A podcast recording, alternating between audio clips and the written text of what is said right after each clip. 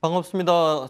전국과 전 세계에서 하나님의 응답과 성령의 인도를 받고 있는 귀한 랩런트 여러분. 8월 19일 목요일 기도 수첩을 시작하겠습니다. 오늘을 최고로 만들어라. 하나님은 오늘 우리에게 권유하지 않고 명령하고 계십니다. 이런 명령문을 우리에게 주실 때는 하나님이 예배 놓으신 응답이 있다는 것입니다. 하나님은 저와 여러분의 오늘을 최고로 만들 계획을 가지고 이러한 어, 짧지만 굉장히 강한 어, 메시지를 주시는 것 같습니다. 오늘을 최고로 만들어라. 여러분 자신에게 한번 속으로 한번 말해 보십시오. 다짐해 보십시오. 그리고 한번 고백해 보십시오. 오늘을 최고로 만들자. 하나님의 말씀 보겠습니다. 이제는 나타나신 바 되었으며 영원하신 하나님의 명을 따라 선지자들의 글로 말미암아 모든 민족이 믿어 순종하게 하시려고 알게 하신 바 그 신비의 계시를 따라 된 것이 이 복음으로 너희를 능히 경고하게 하실 아멘.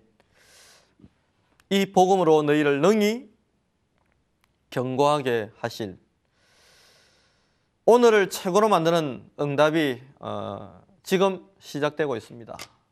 오늘을 최고로 가슴 설레이는 말인데요. 오늘을 최고로 어제는 지나갔기 때문에 우리가 최고로 만들 수가 없습니다. 그러나 오늘은 임마누엘 속에서 하나님이 함께하는 비밀과 그리스도의 언약 속에서 성령의 충만함을 누림으로 얼마든지 최고로 만들 수 있습니다. 지나간 과거는 발판입니다. 지금 하나님은 우리에게 오늘이란 시간표를 주셨습니다. 오늘을 누리면 내일은 응답으로 다가오게 되어 있습니다. 지나간 과거 속에서 여러분은 하나님의 계획을 발판, 계획을 발견함으로 그 모든 과거를 발판으로 만들 수 있는 축복의 신분입니다. 그러므로 두려워하지 말고 어, 일어서서 오늘을 기쁨으로 바라보고 맞이하시는 축복이 있기를 바랍니다. 하나님은 이미 우리에게 중요한 것들을 주셨습니다.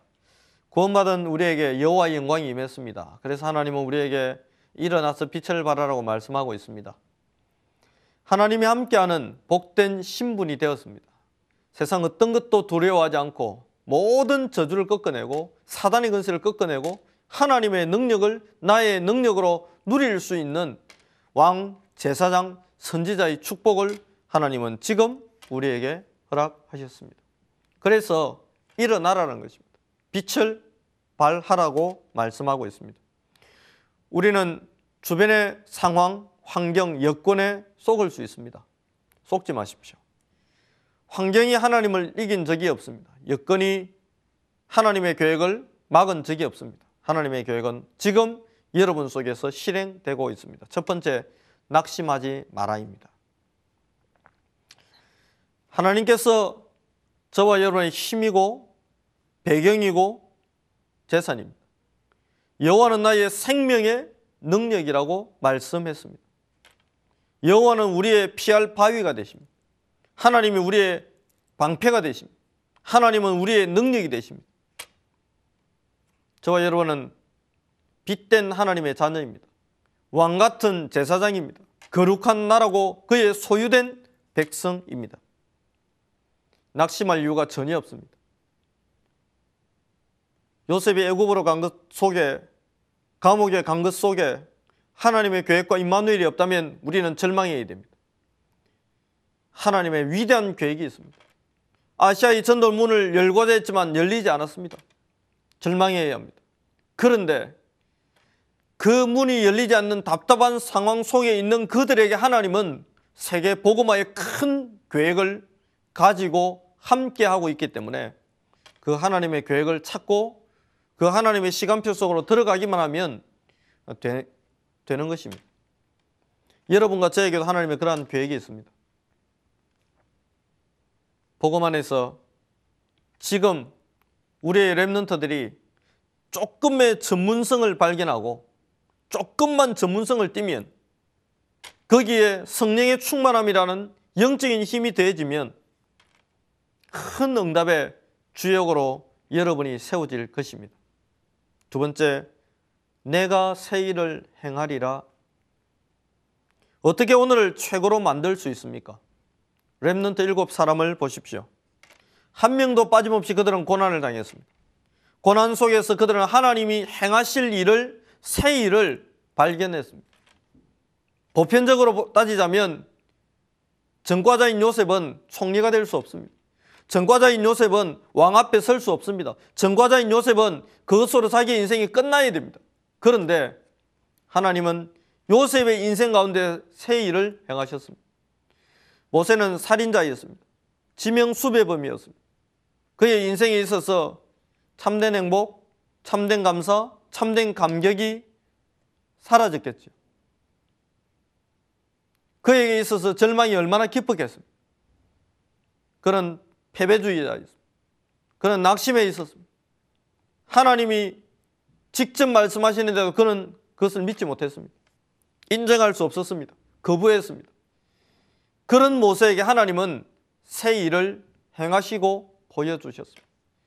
전혀 주먹을 과거처럼 주먹을 쓰지 않고 문설주의 피를 바르는 그 한 가지를 통해서 그 거대한 나라 애굽이 무너지고 애굽에 노예되었던 이스라엘 백성이 해방받는 어마어마한 일을 하나님은 모세의 눈으로 직접 목격하도록 역사하셨습니다. 모세는 그 이후로 창세기 3장 15절 여인의 후손의 언약을 기록하는 중요한 응답을 받았습니다. 저와 여러분의 인생 속에도 하나님의 새 일이 기다리고 있습니다.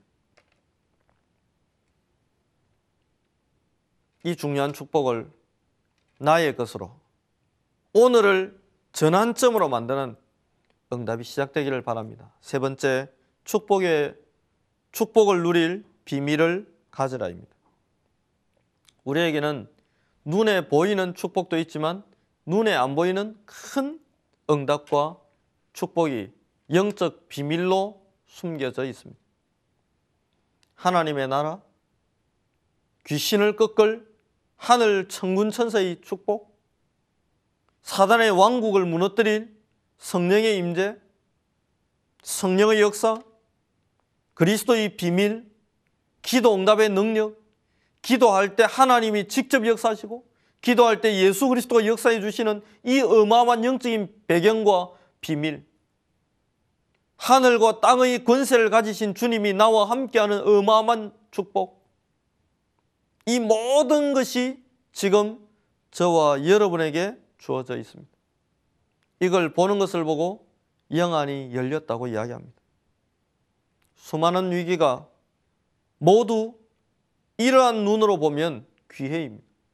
홍해가 귀해고 여리고가 귀해고 굶주림이 귀해고 목마름이 기회입니다.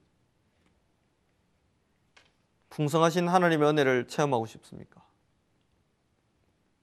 그 궁핍함과 공고함과 그 고, 고통을 그 위기처럼 보이는 일들을 영적인 배경 속에서 다시 바라보시고 믿음을 회복하시기를 바랍니다. 오늘의 포럼을 나누겠습니다. 내게 주어진 복음의 능력을 묵상하면서 지금의 현실과 상황을 멋진 기회로 만드는 도전을 해보세요.